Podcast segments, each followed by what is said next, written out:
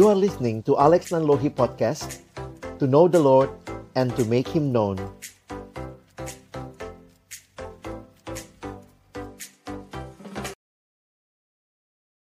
Baik, kita akan melanjutkan. Saya menyiapkan satu presentasi buat kita lihat sama-sama malam hari ini. Kita akan melihat di dalam Roma pasal yang ke-6, ayat yang ke-9 sampai ayat yang ke-11 untuk memahami tema yang penting pada malam hari ini yaitu persatuan dengan Kristus melahirkan tekad berjuang. Nah, Bapak Ibu Saudara yang dikasihi dalam Tuhan Yesus Kristus, apa yang disampaikan di dalam kitab Roma, salah satu yang menarik adalah Paulus memberikan dasar yang sangat jelas tentang kehidupan orang Kristen di dalam Kristus. Dan apa yang menjadi bagian yang menarik di Roma pasal 6, bahwa kehadiran Kristus dalam hidup orang percaya menjadi satu hal yang dikatakan dengan istilah malam hari ini, persatuan dengan Kristus. Atau di dalam istilah teologi ya, dalam bahasa Inggris dipakai istilah union with Christ. Apa yang dimaksud dengan persatuan dengan Kristus? Ini persatuan seperti apa? Mari kita lihat apa yang disampaikan di dalam Roma 6 ayat 9 sampai 11. Saya bacakan bagi kita karena kita tahu bahwa Kristus sesudah ia bangkit dari antara orang mati tidak mati lagi. Maut tidak berkuasa lagi atas dia. Sebab kematiannya adalah kematian terhadap dosa satu kali dan untuk selama-lamanya. Dan kehidupannya adalah kehidupan bagi Allah. Mari perhatikan ayat yang ke-11. Demikianlah hendaknya kamu memandangnya bahwa kamu telah mati bagi dosa, tetapi kamu hidup bagi Allah dalam Kristus Yesus.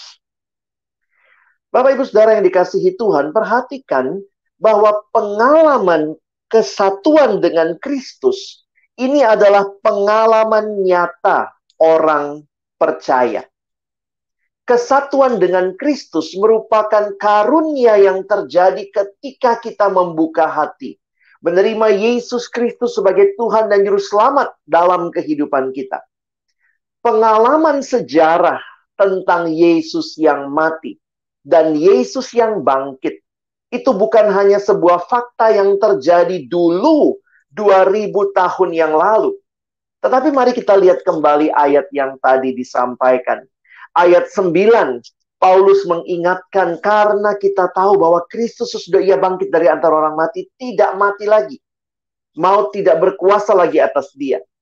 Sebab kematiannya adalah kematian terhadap dosa, satu kali untuk selama-lamanya, dan kehidupannya adalah kehidupan bagi Allah. Mari Bapak Ibu Saudara sekalian, uh, Roma 6 ayat yang ke-11 menjadi perhatian kita di dalam mengerti apa yang dimaksud dengan persatuan dengan Kristus. Istilah union with Christ. Bahwa apa yang menjadi pengalaman Kristus yang mati dan bangkit karena kita mengalami disatukan dengan Kristus, maka ini juga menjadi pengalaman iman kita di dalam Kristus. Bapak Ibu Saudara yang dikasihi Tuhan, ini bukanlah pengalaman yang bisa dijelaskan sekadar dengan pemahaman seperti dalam dunia materi. Karena persatuan dengan Kristus terjadi di dalam kesatuan rohani. Kita ada di dalam Dia dan Dia ada di dalam kita. Mungkin ilustrasi yang sederhana menggambarkan pengalaman iman ini adalah ketika Bapak Ibu Saudara mengambil kapas misalnya lalu kemudian kapas itu dicelupkan ke dalam air, maka pertanyaan saya, sekarang kapasnya di dalam air atau airnya di dalam kapas? Ini bukan bicara kesatuan yang sekadar terlihat, tetapi kesatuan yang dialami karena iman kepada Kristus. Karena itu dituliskan kesatuan dengan Kristus merupakan pengalaman nyata orang percaya. Bagaimana Yesus memberikan hidup yang baru. Dulu sudah berlalu. yang baru sudah datang.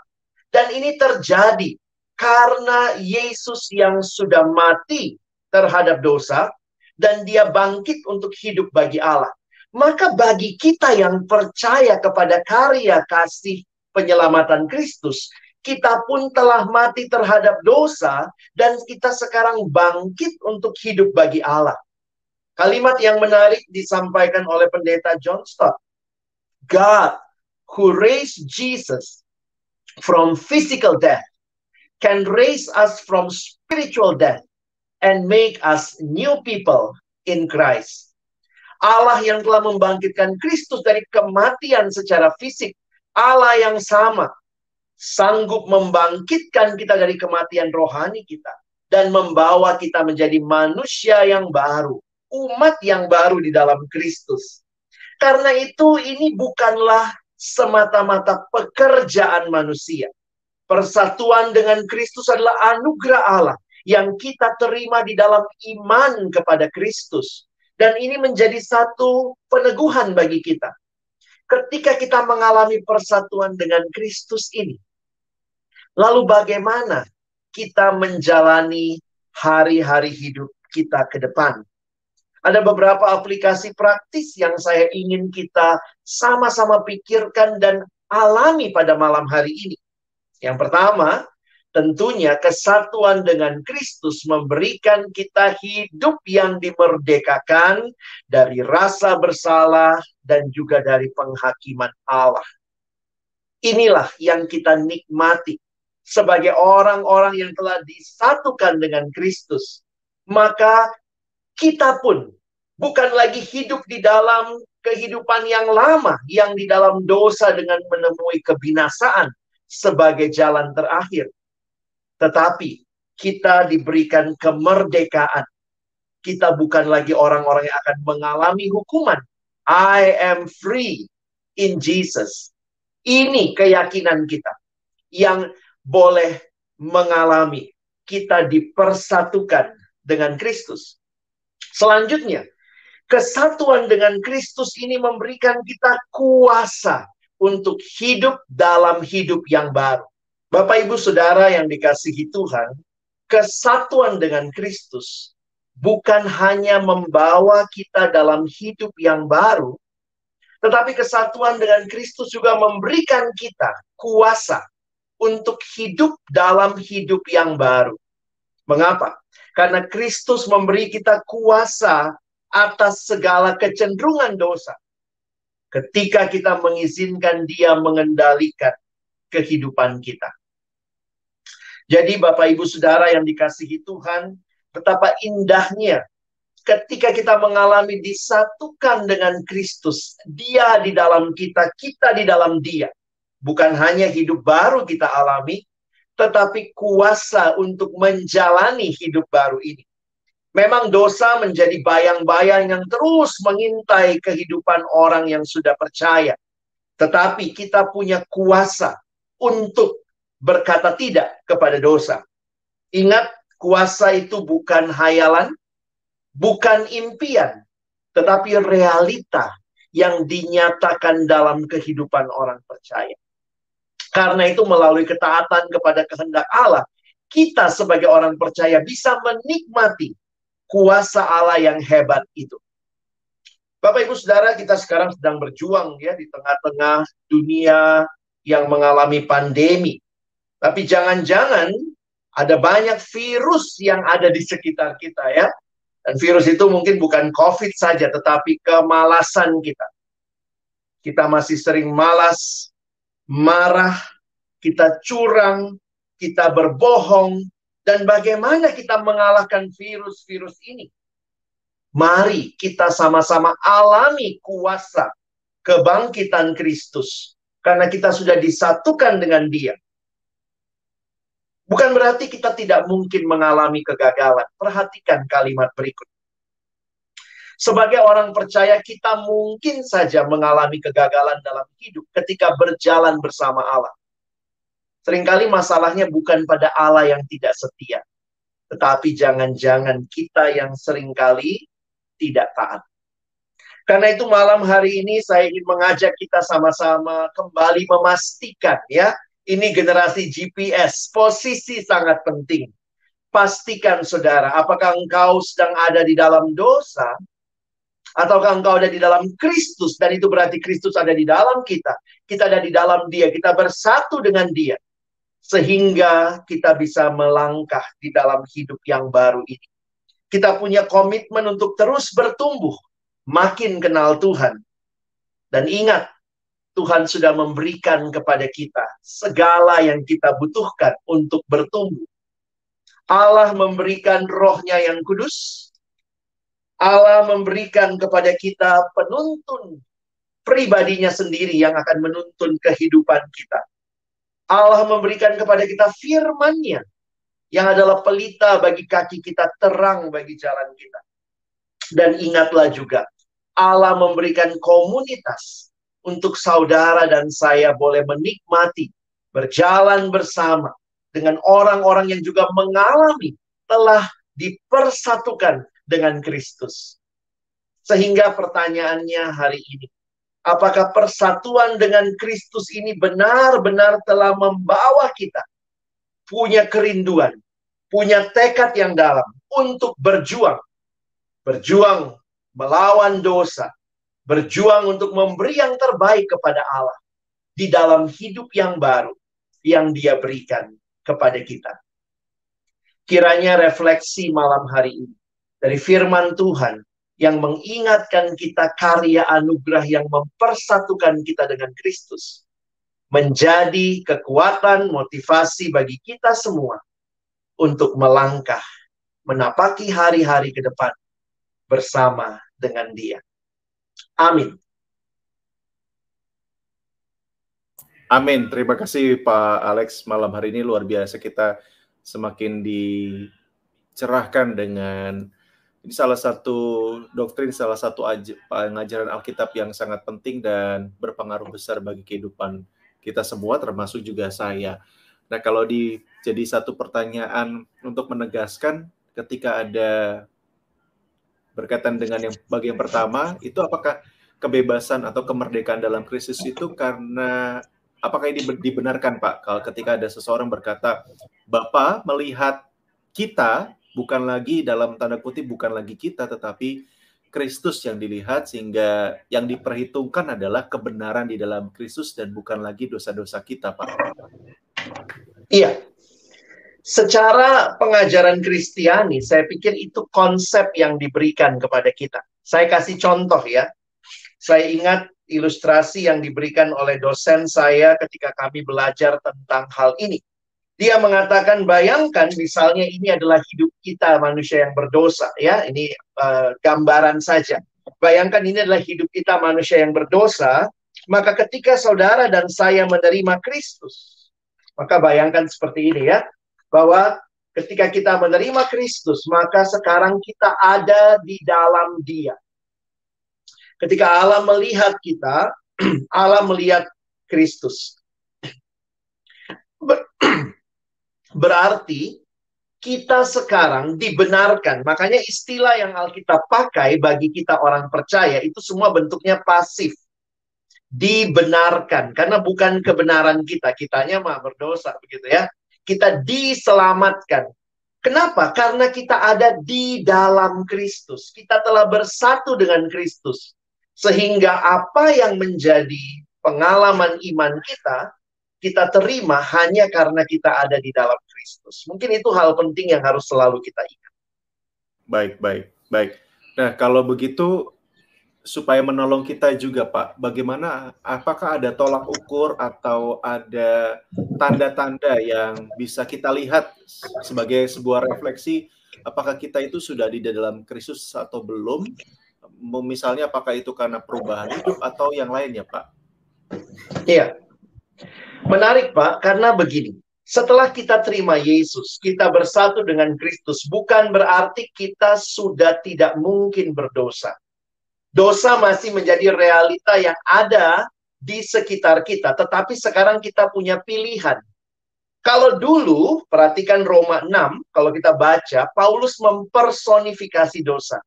Paulus menggambarkan dosa seperti seorang tuan yang sedang memperbudak kita. Nah, tetapi kemudian Paulus berkata, setelah kamu dimerdekakan dari dosa, berarti sekarang sudah merdeka karena kita bersatu dengan Kristus, maka jangan menghambakan diri lagi kepada dosa. Istilah itu menarik. Sudah merdeka, bukan lagi hamba dosa, tapi jangan, ya, ayo dosa perhamba saya lagi ya. Jadi ketika kita kembali memberi diri kepada dosa, itu menjadi hal yang saya pikir tidak seharusnya. Nah, apa yang saya mau katakan dengan bagian ini menjawab pertanyaan Pak Febi tadi? Maka apa ciri dari orang yang telah bersatu dengan Kristus secara positif? Maka dia harusnya makin hari makin mirip Kristus. Tetapi kalau kita bicara secara negatifnya, dia akan peka terhadap dosa. Dalam arti tidak terus menerus berbuat dosa. Jadi kalau kita bilang, saya sudah dalam Kristus nih. Apa buktinya? Apakah saudara makin peka ketika menghadapi dosa? Atau kalau kita melakukan dosa, kita juga tidak punya rasa bersalah, kita menikmati, ya jangan-jangan kita belum sungguh-sungguh di dalam Kristus. Baik, baik. Terima kasih Pak. Ini semakin meruncingkan pemahaman kita dan menolong kita supaya kita melihat, oke, okay, berarti Eh, ada sesuatu yang akhirnya ketika bicara tentang tadi ya Pak ketaatan terhadap Kristus dan kebenaran. Ini kan tadi saya melihat ada satu bagian yang sangat penting yaitu berkaitan dalam prakteknya artinya harus dekat senantiasa dengan firman dan juga dalam kesatuan sebagai orang percaya atau tubuh Kristus begitu. Nah, kalau begitu Pak, ketika itu apakah itu berarti ketika orang sedang menghindari keduanya dalam konteks ya sedang ya. misalnya malas tadi ya malas karena Pak Alex tadi menyampaikan tentang malas dan kebetulan tadi pagi juga saya di teman-teman remaja bahas tentang kemalasan. Oh. Nah, ya. apakah itu sebagai apa, gimana ya Pak? Saya menjelaskan uh, bertanyanya. Apakah itu sebagai bagian daripada ketika orang menjauhkan atau sedang ada dalam merasa masalah terhadap firman dan juga ya udahlah kecewa terhadap orang percaya itu di fase apa Pak? Apakah itu dalam konteks memang belum sampai kepada persatuan di dalam Kristus atau memang fase kehidupan manusia ada yang sedang seperti itu? Hmm, wah menarik ini Pak ya. Kita bisa lihat dari berbagai sisi ya. Tapi secara praktis saya harus katakan begini. Persatuan dengan Kristus bukan berarti semua terjadi secara otomatis.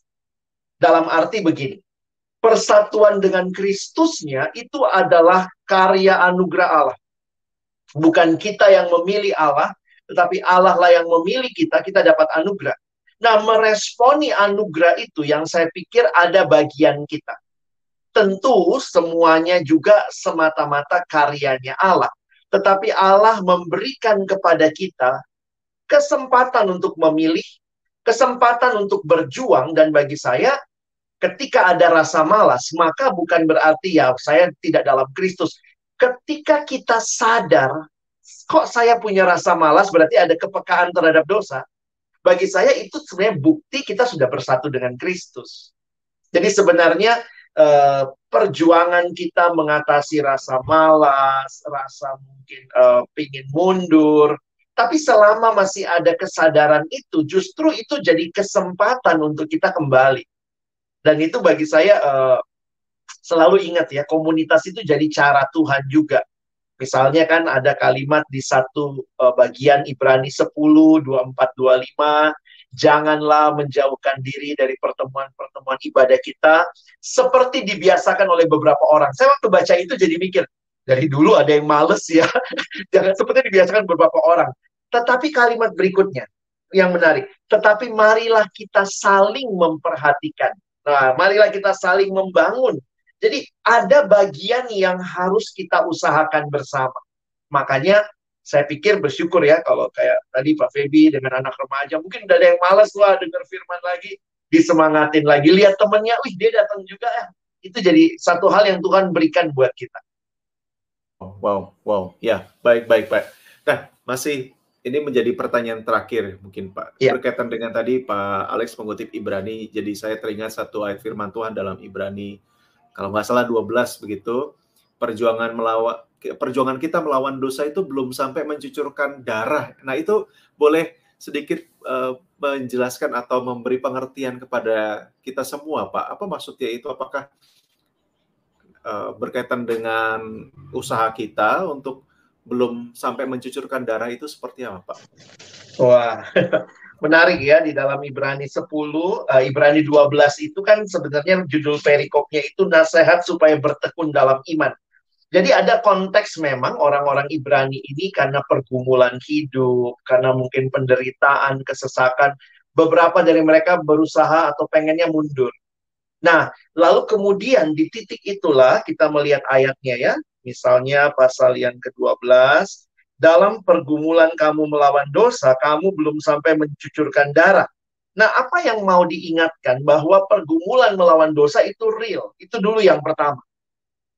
Dan pergumulan kita semua sebenarnya adalah pergumulan yang telah dilewati oleh Kristus. Dan Kristus dalam pergumulannya sampai mencucurkan darah, sampai menyerahkan nyawanya, saya pikir itu menjadi teladan bagi kita untuk bertekun, untuk bertahan.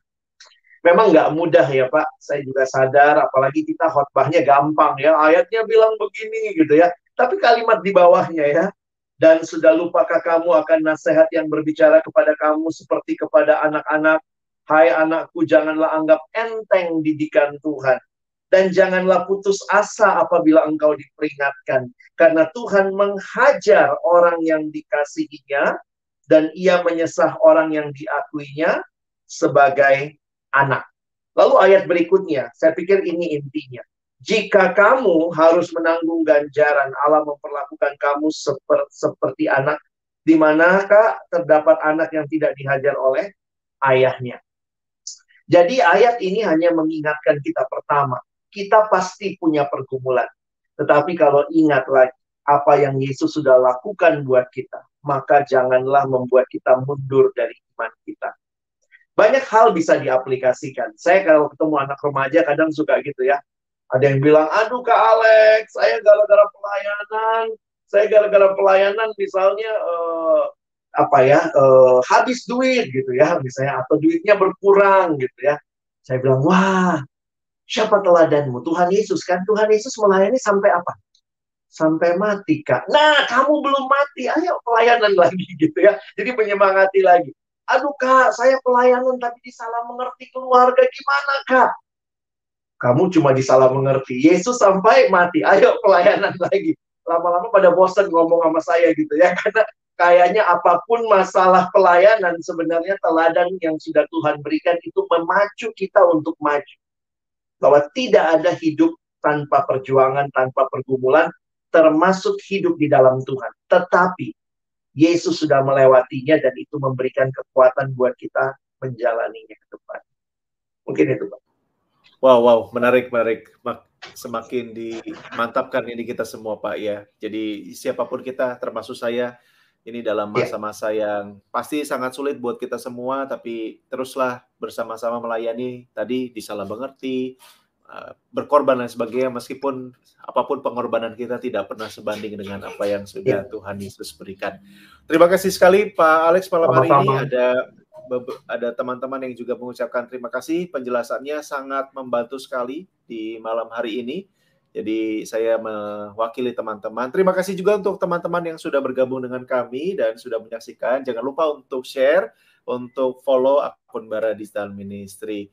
Karena itu saya kita akan menutup dan saya memohon kesediaannya Pak Alex boleh menolong kita berdoa, Pak. Baik, mari kita berdoa. Tuhan terima kasih untuk siaran malam hari ini di tengah segala kendala yang mungkin terjadi, tetapi Tuhan mengasihi jemaatmu, Tuhan menyampaikan kebenaranmu dan kami diteguhkan dan kami bersyukur dan terus memohon agar kiranya di dalam anugerahmu kami bukan hanya jadi pendengar-pendengar firman, tetapi kami yang telah mengalami dipersatukan dengan Kristus, kami boleh memiliki daya juang di dalam dunia ini untuk pertama-tama memberi yang terbaik kepada Tuhan dan juga untuk menjauhi dosa dan hidup bagi Allah di dalam keseharian kami. Sekali lagi terima kasih banyak ya Tuhan untuk semua kami yang sudah boleh mengikuti siaran ini baik langsung maupun juga kemudian berdoa kiranya dalam pergumulan kami masing-masing, dalam perjuangan kami masing-masing. Kami boleh terus memandang kepada Kristus, teladan kami yang agung, yang di dalamnya di dalam karyamu yang sempurna, kami juga boleh berjuang bersama untuk hidup hanya bagi. Terima kasih untuk Bara Digital Ministry yang terus boleh jadi berkat.